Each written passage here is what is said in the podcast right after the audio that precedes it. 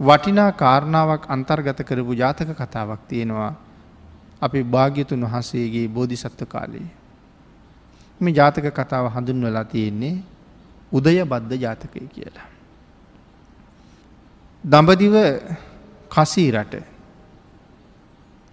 ඉපදිච්ච කෙනෙක් තමයි උදේ බද්ධ කියන කුමාරයා. කසී රජ්ජිරුවන්ගේ එකම පුතා. බොහෝම ලස්සන ශරීරයක් තිබිච්ච කෙනෙක්. හොඳ ආරෝහ පරිනාහ සම්පන්න සම්පූර්ණ වූ දේහයක් තිබිච්ච කෙනෙ. නමුත් පුතා නිසිවයසට එනකොට තාත්ත පුතාට යෝජනාවක් කළා. පුතේ දැන් ඔබ රාජ්‍ය භාරගණ්ඩ සුදුසු වයස ඉන්න කෙනෙක්. හැබැයි මතක තියාගන්න ඕන මේ කාලෙ මිනිස්සුන්ගේ ආවශ්‍ය බොහොම දිග කාලයක්. ඒ කාලෙ සාමාන්‍යයෙන් මිනිස්සුන්ගේ ආවශ්‍ය අවුරුදු දහදාහක් විතර. එතරම් දීර්ඝ ආවශ්‍ය. පුතා සඳහන් කරනවා මට ඒ රාජ්‍යයෙන් කමක් නෑ. මට රජකම එපා. රජකමට කැමති නෑ. හේතුව මොකක්ද. හේතුව තමයි රජවෙන්ඩ නං විවාහ වෙන්ඩම වෙනවා. ආං ඒ නිසා තමයි මෙයා විවාහයට හරීම අකමැති. ඒක තමයි කියන්නේ මටේ රජකමින් කමක් නෑ කියලා. නමුත් රජ්ජුරුවොත් රජබිෂවත් නිතර නිතර පුතාට ඇවටිලි කළා. දෙමවපියන්ගේ වචනයට දිගින් දිකට අකීකරුවෙන්ඩත් අකීකරුවෙන්ඩත් බෑ. ඒ නිසා මේ කුමාරයට ඕන වුණා කොහොමරි මේකෙන් බැ ගැරගන්ට. උපායක් පාවිච්චි කරනවා කියල හිතලා රංකරුවෙක් හොයාගෙන ගිහිල්ලා. එයාට රත්තරං දීල කිව්වා මේකෙන් ලස්සන කාන්තාරූපයක් හදන්න කියලා. කාන්තාරූපයේ වැඩ ඉවර කලාට පස්සේ ඒක දෙමව්පියන්ට ගෙනල්ල දීල කිව්වා මම විවාහත් වෙන්නම්. මං රජකමත් භාරගන්න. හැබැයි මට එක පොරුන්දුවක් වෙන්ඩුවනේ. අර රංගුව පෙන්නලා කියනවා මෙන්න මේවාගේ ලස්සන තරුණියක් මට හොයලා දෙන්ඩුවනේ. එහෙම වුණුත් විතරයි විවාහ වෙන්නේ. රජ්ජුරුව මුළු රාජ්‍ය පුරාම හෙව්වා. ඒ රන්රුව අරගෙන ඇවිද ඇවිද හැමතැනම හොයනවා ඒවාගේ ලස්සන තරුණියක්. එහෙම කෙනෙක් හම්බුනේම නෑ. රජ්ජුරු ආපහු මාලිගාවට ආවා. රජ්ජුරුවන්ටම දාව අන්තහපුර ස්ත්‍රියකට ඉපදිච්ච තරුණියක් හිටියා. ඇය හොඳට සරසලා රන්රුව ගාවතිය හම ඇය රන්රුවට වඩා ලස්සනයි කෙළ හිතුණා. ආං ඊට පස්සෙ පුතාට කිව්වා ගැලපෙන කෙනෙක් හම්බුනා එහෙනම් දැන් පොරුන්දුව ඉෂ්ට කරමු කියලා. දෙන්නම අකමැති විවාහවෙන්ට. ඇයත් අකමැති මොහුත් අකමැති.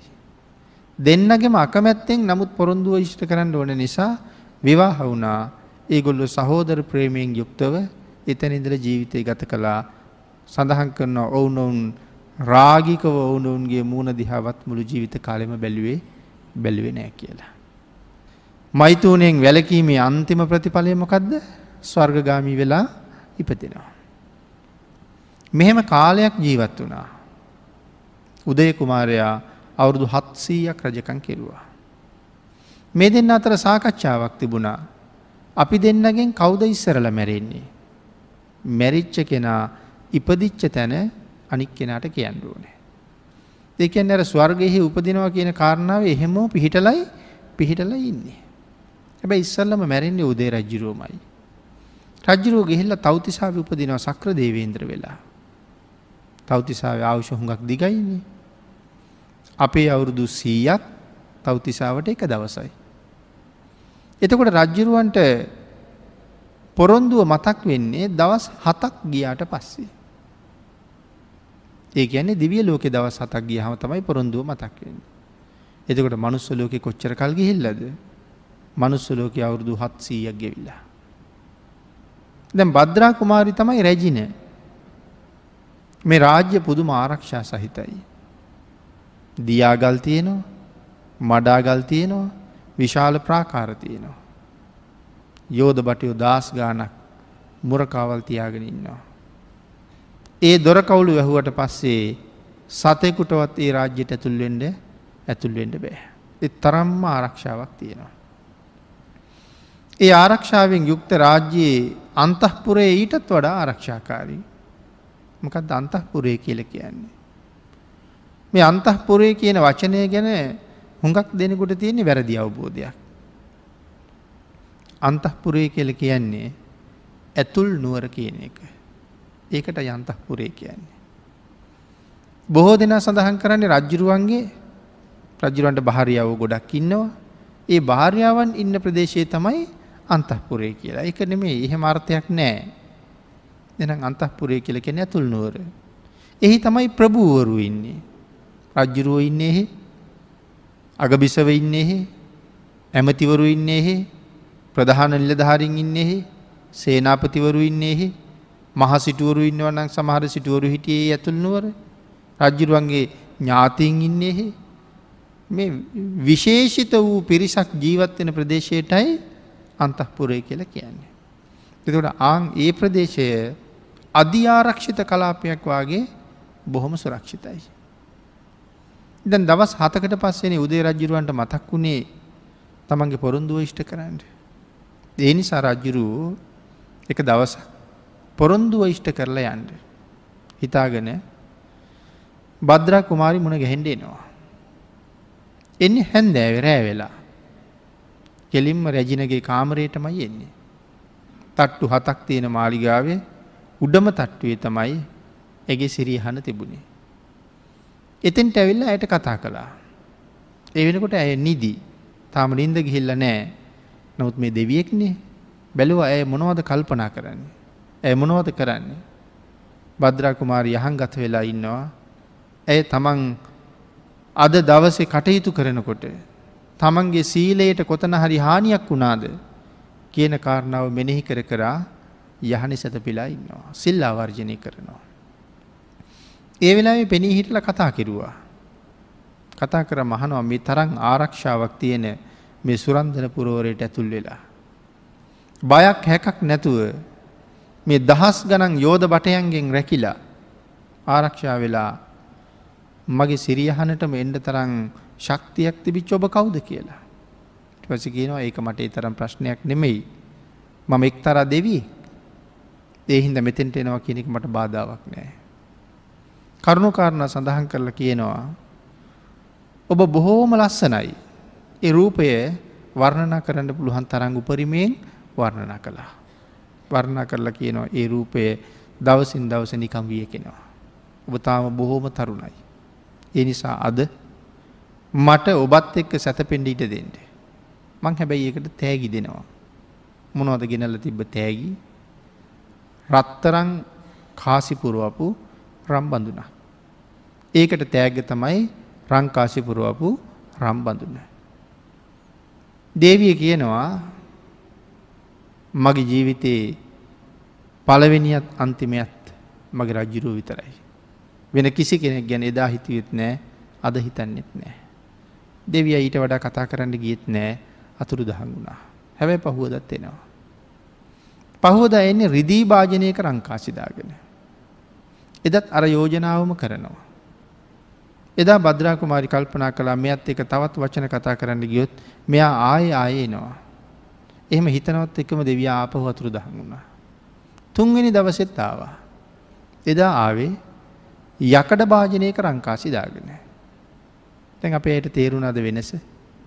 පළවෙනි දවසේ රම්භාජනයක රංකාසි දෙවනි දවසේ රිදී භාජනයක රංකාසි. තුන්වෙනි දවසේ යකඩ භාජනයක රංකාසි. හැබැ තුන්වෙනි දවසේ බද්රට හිනා ගියා. හිනාගේ හම දෙවී ආහනු ඇයි හිනා වෙන්න කියලා. ඉටසිකවා උඹ දෙවියෙක් කියලා මට කිව්ව පළවෙනි දවසි. දෙවියෙක් වුණත් උඹ මහ මෝඩේ ඇයි ඒ කෙල් ඇහුවා. මනුස්ස ලෝක ස්ත්‍රියක් සතුටු කරන්න ඔහොම බෑ කාටවත්. ඔබේ බලාපොරොත්තුව පළවෙනි දවසේ ඉෂ්ට වුණේ නැත්තං දෙවනි දවසේ ඔබ ආයාචනා කරන විදිහත් ඔබ අරගෙන එන තෑග්ගත් පළවෙනි දවසි තෑග්ගට වඩාලුගක් වටින එකක් වෙන්ඩුවනේ. දෙවනි දවසෙත් අකමැති වුණානං තුන්ගෙන දවස ගෙන තෑ ගරටත් වඩා වටින එකක් වෙන්ඩෝන ඇගේ හිත දිනාගන්ට. එක තමයි මනුස්සලෝක හැටි. නමුත් ඔබ පළවෙනි දවස තෑක හුඟාක් වටිනවා. දෙවනි දවස තෑගේ වටිනාකම ටිකක් අඩුයි. මොද රිදී භාජනයක්නේ. තුන්වෙනි දවසට එනකොට කාසි ඔක්කොම රංකාසි තමයි නමුත් භාජනය තමයි වෙනස් වෙලා තියෙන්නේ භාජනී යකඩ. ආගේ හින්දකුවම් බහරි මෝඩයි. ආගේ වෙලාවේ දෙවිය කතා කරලා කියනවා මට හිතෙන්නෑ මං මෝඩයි කියලා. මනුස්සලෝක මිනිස්සුන්ගේ ආවුෂ පිරිහෙන්නේ කොයි වගේද හරියට පෙරහංකඩයකට වතුරවක් කරහම ඒ පෙරහංකඩේ වතුර බින්දුවක්වත් රැඳෙන් නැතුව ඔක්කොම පහලට බැහල යනවා වගේ මනුස්සලෝක මිනිස්සුන්ගේ ආවිෂයත් බොහොම වේගෙන් පිරිහෙනවා. අද හිටපු කෙනා නෙමෙයි හෙට ඉන්නේ. හෙට ඉන්න කෙනා නෙමෙයි අනිද්ද ඉන්නේ. හැම ඉන්ද්‍රියකින්ම හැම පැත්තේ මේ මනුස්සය පිරිහිලා. රූප සෝභාවෙන් එන්ඩ එන්ඩ අඩු වෙලා. ජරාජීර්ණ තත්ත්වයට පත්වෙනවා. එතකොට එහෙනම් මමත් පෙරේදයනකොට ඔබේ තිබිච්ච ලස්සන ඊයනකොට තිබුණෙ නෑ එක මං හොඳටම දන්නවා. ඊයේ එනකොට තිබුණ ලක්ෂණ අද එනකොට අද එනකොට නෑ. එතකොට ඔබ දවසින් දවස දවසින් දවස පරිහානියට පත් වෙලා. මගේ තෑගත් ආං ඒ විදිහටම දවසින් දවස දවසින් දවස පිරිහුණා. ඔබ පිරිහෙනකොට මංමකරද මගේ තෑග දියුණු කරන්නේ. ඒකයි මම මෙහෙම කරලා තියෙන්නේ. මේ කරුණු කාරණා මේ විදිහට සඳහන් කළා. සඳහන් කරලා තවත් කරුණු බොහෝමයක් ඇයට පැහැදිලි කරලා දුන්නා. ඇය අහනවා මනුස්ස ලෝකෙට ඔය තරම් නිග්‍රහ කරන ඔබ දෙවියෙක් කියලා කිව්වා. එතකොට දිවිය ලෝකෙ ඉන්න කට්ටියගේ ආවුෂ දවසින් දවස පිරිහෙන්නේ නැද්ද කියලා ඇහුවා. ආන්ගේ වෙලාවේ සඳහන් කරනවා නෑ. මනුස්ස ලෝකෙ කට්ටියගේ ආවුෂ දවසින් දවස පිරිහෙනවා.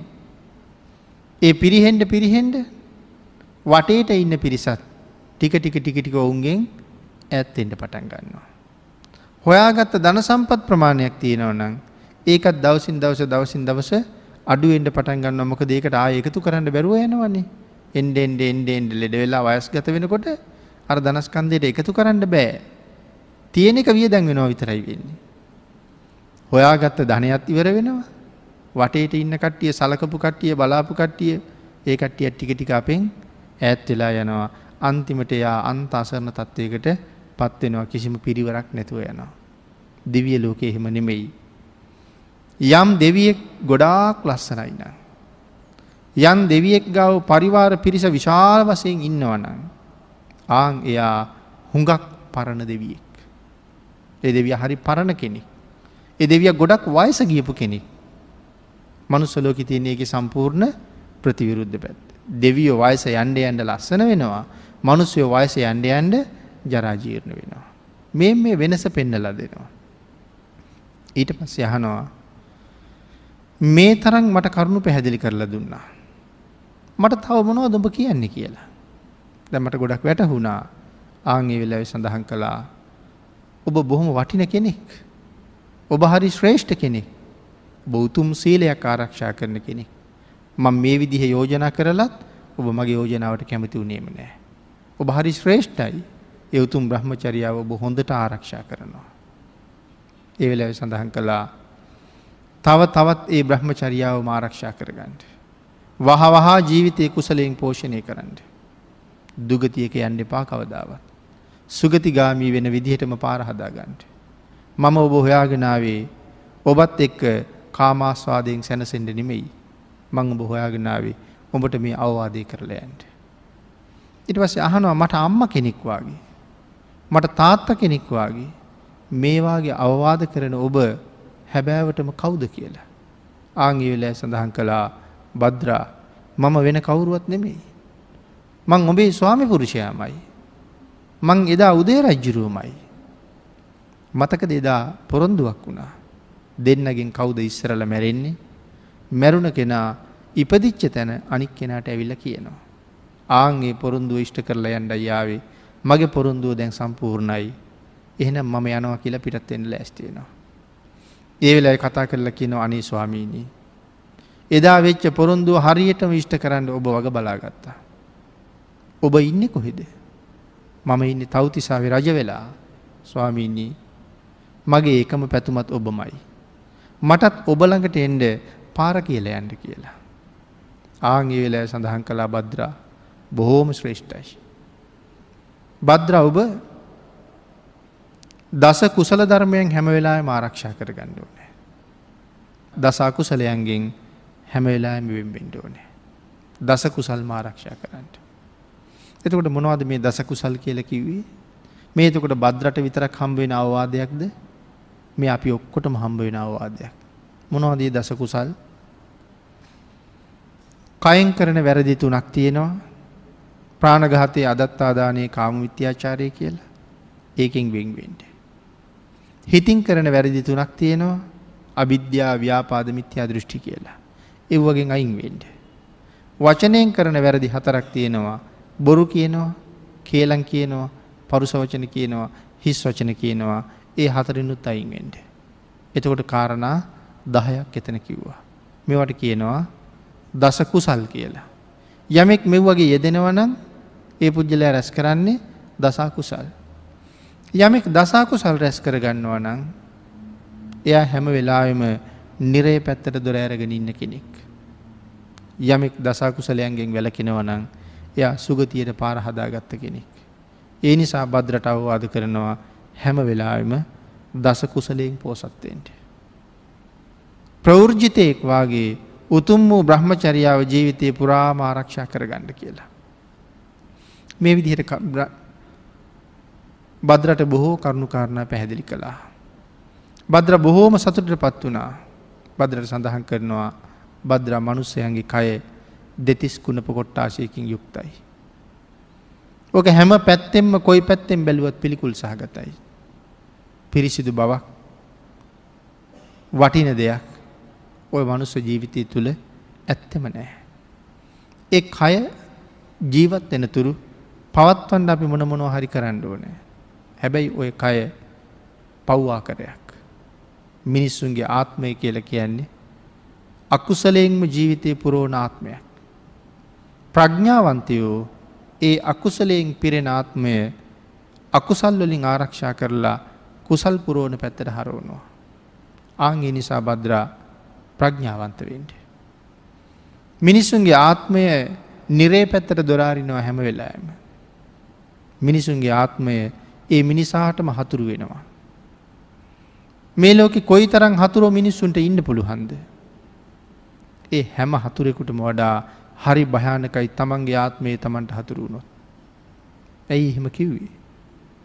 මේ ලෝකෙ ඉන්න හැම හතුරෙකුටම තමන්ගේ අනික් හතුරාට කරන්න පුළුවන්නම් බරපතලම දෙයක් කරන්න තියෙන අන්තිම දේ තමයි ඔහු ජීවිතයෙන් තොර කරන එක. මරලදානක. ඊට වඩා යමක් කරන්න බෑකිසි මහතුරෙකුට. ඒ වුණට මගේ මේ ශරීරයම මගේ මේ කයම මගේ මේ ආත්මය මට හතුරුවනොත් මං එතනින් නවත්තනවද? මගේ ආත්මය මට හතුරු වෙච්චහම මම නිරේට මරං යනවා. අර හතුරන්ට පුළුවන්ද අපි නිරේට තල්ලු කරන්න ඒක කවදාවත් කරන්න බෑ. ඒ හතුරන්ට අපි තිරිසන් ලෝකෙටවත් ප්‍රේත ලෝකෙටවත් තල්ලු කරන්න බෑ. නමුත් පව්කරගත්ත මම නිරේ දොර ඇරගන්නවා පෙරේත ලෝක තිරිසන් ලෝකෙ දොර ඇරගන්නේ මං විසින්මයි ආංගේ හින්දා මේ ආත්මය පවට හැරුණුත් හරිම භයානකයි. ආංගේ නිසා තමන්ගේ ආත්මය හැමවෙලාම සුරක්ෂිත කරන්නට. අත්තානංවේ පියන් ජඥා රක්කෙයියා නං සුරක්කිතන්. තමන් ගොඩක් ප්‍රියයි නං තමන්ගේ ආත්මයට ඒක හැමවෙලාම සුරක්ෂිත කරන්න වග බලාගන්ට. ආං ඒක සුරක්ෂිත කරනවා කියල කියන්නේ. මේ දස අකුසල ධර්මයන්ගෙන් වැලකිලා දස කුසල්ම රැස් කරගන්නවා කියන එකයි. මේ කයේ තියෙන නිස්සාරභාවය දෙතිස් කුණප ගොට්ටාසයන්ගින් පිරිච්ච මෙහි ගතයුත්තක් ඇත්තෙම නෑ කියල පැහැදිලි කරලා දෙනවා. මේ ශරීරයේ හැම පැත්තෙම අපිරිසිදු දෙව්ව දේවල් වලින්ම පිරිල තියෙනවා. විදර්ශනාත්මකව කල්පනා කරලා බැලුවොත් මේ කයිහි මං කැමැත්ත දක්වන කිසිම දෙයක් කිසිම දෙයක් නැති බවම පැහැදිලි කරනවා. අපි අපේ කෙස් වලටත් පුදුම කැමැත්තක් තියෙන්නේ. ඒ වුණාට වතුර කෝප්ප එක හරි ආහාර පිඟානි හරි කෙස් ගහක් තියෙනවා දැක්කොත්. ඒ කෙස්මයි අපිට ඇති වෙන්න පුදුම පිළිකුලක්. අපි අපේ නියපොතුවලට තියෙන්නේ හරි කැමැත්තක්. ඒ නිසා අපි තෙල්ගානවා ඒ නිසා අපි වවනවා ඒ නිසා අපි පාට කරනවා නමුත් කෑම පිඟන්නේ බත් එක ඉදිච්ච තැන නියපොත්තක් පිඟාන්ට බෙදිල තිබුණොත් අපි ඒ කෑම එක අනුභව කරන්න පුදුම අප්‍රසන්න බවක් අප්‍රසන්න බවක් දක්වනවා. නමුත් මංගේ කෑම අනනකොට කෑම කඩනකොට පාවිච්චි කළෙත් මේ නිය පොත්තම තමයි නමුත් තවත් විදිහකට දැක්කාම ඒක පිළිබඳව ඇති වුණේ මට හරි අප්‍රසන්න බවක්. කෑම කකායින්නකොට දතක් ගැලවිල්ලා පිඟානට වැටුනොත් මට ඒ පිළිබඳවත් ඇතිවන්නේ ආපහු ආපහු අප්‍රසන්න බවක්. බොහොම ලස්සනයි පාටයි ප්‍රියමනාපයි කියල කියපු මේ හමෙන් කෑල්ලක් කවරු හරි ගලෝලා අපිට දුන්නොත් අපි ඒකට කවදාවත් ප්‍රිය කරන්නේ ප්‍රිය කරන්නේ නෑ. එනම් බාහිර වස්තුූන්ටත් එහෙමයි. අභ්‍යන්තර වස්තුූන්ටත් එහෙමයි. මේක ඇතුළෙත් සම්පූර්ණ අපද්‍රව්‍ය වලින්ම පිරිලා. ඒ නිසා බුදුරජාණන් වහස සඳහන් කළා කුණපයක්ම බවට පත්වෙච්ච මේ කය අභ්‍යන්තරයේ තියෙන අපද්‍රව්‍ය එලියට දාන්ඩ දොරටු නමයක් හැම වෙලාම විවෘත කරලා තියල තියෙනවා කියලා. ඉව කවදාවත් වහන්ඩ පුළුහන්ද ඒ දොරටු එකක්වත් කවදාවත් වහන්ඩ වහන්ඩ බෑ. හැම වෙලාම ඇරලා තියෙන්නේ හැම වෙලා මෙව්වගෙන් එලියට යන්ට මොන මොනවා හරි ලෑස්ති වෙන නිසා. හැබැයි ඒකකටවත් අපි ප්‍රියමනාප නෑ. කවුරුවත් දකිනවට කැමති කැමති නෑ ඒ තරම් අප්‍රසන්නයි. එතකොට එවන් කයක් අරගනයි අපි මේ ප්‍රසන්නයි කියන හැඟීමෙන් සුන්දරයි කියන හැඟීමෙන් මේවාගේ අකුසල ධර්මයන්ට යොමු වෙන්නේ. අංගේ නිසා මේ කය පිළිබඳව හොඳ අවබෝධයක් ඇතිකරගෙන ජීවත්තෙන්ට කියලා සඳහන් කරනවා දෙතිස් කුණපයෙන් පිරුණ මේ කය සොහනකට ගෙන ගොස් දැමූ කල කපුටු හිවල් කබර ආදී සතුන්ට ආහාරයක්ම වෙනවා. පොලෝට යට කරලා දපු දවසට පනුවාදී සත්වයන්ට ආහාරයක් බවට පත්වෙලා යනවා. ආගේ නිසා මේ කාරණා දැන නොපමාව කුසල ධර්මයන් හි යෙදෙන්ට කියල බද්රට මෙදි විරාජයාගෙන් අවවාද ලැබෙනවා. ඊළඟට බද්‍ර සඳහන් කරනවා සාදු භාසතයන් යක් හෝ අපපං මච්චාන ජීවිතන්. කසිරංච පරිත්තංච තංච දුක්කේන සංයුතන්. සාහං ඒකා පබ්බජිස්සාමී හිත්වා කාසින් සුරුන්දන. මේ කරුණු ටික අවවාද ටික ඇහුවට පස්සේ. බද්‍ර සඳහන් කරනවා දිව්‍යරාජානිනී ඔබ කිව්වේ ඉතාමත්ම යහපත් දෙයක්මයි. මනුස්ස ජීවිතය ස්වල්ප කාලයක්ම පවතින එක. මිනිසුන්ගේ අවශ්‍යයේ දීර්ඝ කාලයක් පවතින එකක් නෙමයි ඒක ඉතාම ස්වල්ප කාලයක් පවතින එකක්. ඒ සැපයෙන් යුක්ත නම් ඒ සුළු කාලයක් පවතිනවට පැවතුනාට කමක් නෑ. මිනිස්සුන්ගේ ආවිශ්‍ය තියෙන්නේ බොහොම කෙටි කාලයයි. ඒක කෙටි කාලයක් තිබුණත් කමක් නෑ ඒ ජීවිතයේ සැපයෙන් පිරිච්ච එකක් නම්. පවතින්නෙත් කෙටි කාලයක් නමුත් ඒක පිරල තියෙන්නේ දුකෙන්මයි. සැපින් පිරිච්ච බවක් ඇත්තේ නෑ. ඊළඟට සඳහන් කරනවා බොහෝ කාලයක් පැවැත්තේ නං මද දුකක් වුවද කමක් නෑ. මිනිස්සුන්ගේ ආවුෂ හුඟාක් දිගයි නං. ඒ ආවුෂ ඒ කාලය තුළ පොඩි පොඩි දුක් ආවත් කමක් නෑ. ආවිෂ හුඟක් දිගයි නං පොඩි පොඩි දුක්කාවත් කමක් නෑ. ආවුෂ කෙටිවුණාට කමක් නෑ සැපීම පිරෙනවන. නමුත් ඒ දෙකම නෑ මනුස්්‍ය ජීවිතයේ සැපයෙන්ද තොරයි දුකෙන්ම යුක්තයි ආවිෂයත් බොහොම බොහොම කෙටි. ආවිෂයත් කෙටි සැපෙන් තොරයි දුකෙන්ම යුක්තයි. ආගේ නිසා සඳහන් කරනවා එසේ වූ එය පවත්තින්නේද සුළු කාලයයි එබැවින් මෙම සුරන්දන නම් වූ රාජධානියෙන් රාජධානියත් කසී රටත් අතහැරල දාලා මං පැවිදි වෙනවා කියලා පොරුන්දුවක් දෙනවා අරදිව්‍ය රාජයට. දැඟතකොට බද්‍රමය සඳහන් කරන්නේ මිනිස්සුන්ගේ ආවිෂයත් බොහොම කෙටි ඒ කෙටි ජීවිතය තුළ දුකත් බොහොම වැඩි. ආවිෂය කෙටි වුණාට කමක් නෑ ඒ කෙටි කාලය තුළ හරි හුඟක් සැපතියෙනවන. ආවිෂ හුඟක් දිගනං තැන්තැන්වල පොඩිපොඩි දුක් කම්බුණාට කමක් නෑ නමුත් මනුස්ස ජීවිතයේ ස්වභාවය තමයි ආවිෂයත් කෙටි දුකත් බොහොම ඉහලයි කියන එක. ආංගේ නිසා මේ සුරන්දන පුරෝරයත් කසී රටත් අත හැරල දාලා මම යන්ඩ යනවා. හැබැයි දැම් මේ කල්පනා කරන්නේ මිනිස්සුන්ගේ ආවිෂ කොච්චරක් තියෙන කාලෙද බද්‍රම එහෙම කියන්නේ දහදාහක් තියෙන කාලේ. එතකොට අද අපි මොනො කියන්න වෙයිද. එදා ආවිෂ දහදාහ අද සාමාන්‍යයෙන් හැත්ත පහක් අසුවක් වගේ කාලේ. අපිට කොහොම හිතන්ඩ වෙයිද කියන කාරණාවත් අපිට හිතාගන්න බෑ. ආන්ගේ නිසා මේ මේ කරුණු අවබෝධ කරලා. අපි හැමෝගටම කියා පුතුම් පණි විඩයක් මෙතන තියෙන්නේ.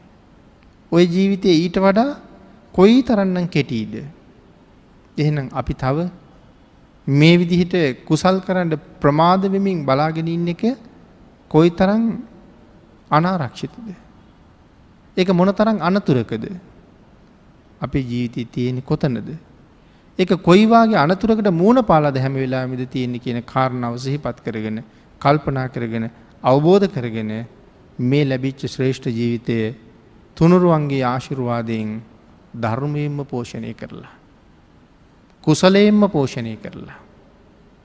හැම කෙනෙක්ම මේ ලෝකෙ කෙටි අවශයකින් මැරල යන අය ආන්ගේ මැරණ දවසට සතුටු වෙවී මැරෙන්ඩ පුළුවන් ජීවිතයක් පෝෂණය කරන්න ඕනෑ. දිව්‍යරාජයාගේ අවවාද ලබාගත්ත භද්‍රාදේවිය රාජ්‍ය ඇමතිවරුන්ට බාරදීලා බොහොම විවේකී උයනකට ගිහිල්ලා රිෂි ප්‍රෞද්ජාවෙන් පැවිදි වෙලා දීර්ඝ කාලයක් ආවිෂ ගෙවෙනකං හොඳට කුසල දහම් සමාදන් වෙලා මරණින් පස්ස ගිහිල්ලා සක්දීඳු ගාවම ඉපදෙනවා. එදා බද්‍රට ඇවිල් අවවාද අනුශාසනා කරපු ඒ දිව්‍යරාජයා අපි බෝසතාණන් වහන්සේමයි එදා බද්‍ර හැටියට කටයුතු කරන්නට යෙදනේ යසෝදරාදේවින් වහන්සේමයි. දෙමනගේ ශ්‍රේෂ්ඨ චරිත දෙක අපේ ජීවිතවලට සමීපවම කතා කරලා අපූරු අවවාදයක් අපිට දීලතියන්නේ. ආං එයින් ජීවිතය පෝෂණය කරගෙන මෙලව සුවපත් කරගෙන පරලෝ සුගතිගාමි කරගණ්ඩ ඔබ සියලු දෙනාටම තුනුරුවන්ගේ ආශිරුවාදෙන් ශක්තිය දහිරිය භාග්‍ය වාසනාව උදාවේවා කියලා ආශිර්වාද කරනවා.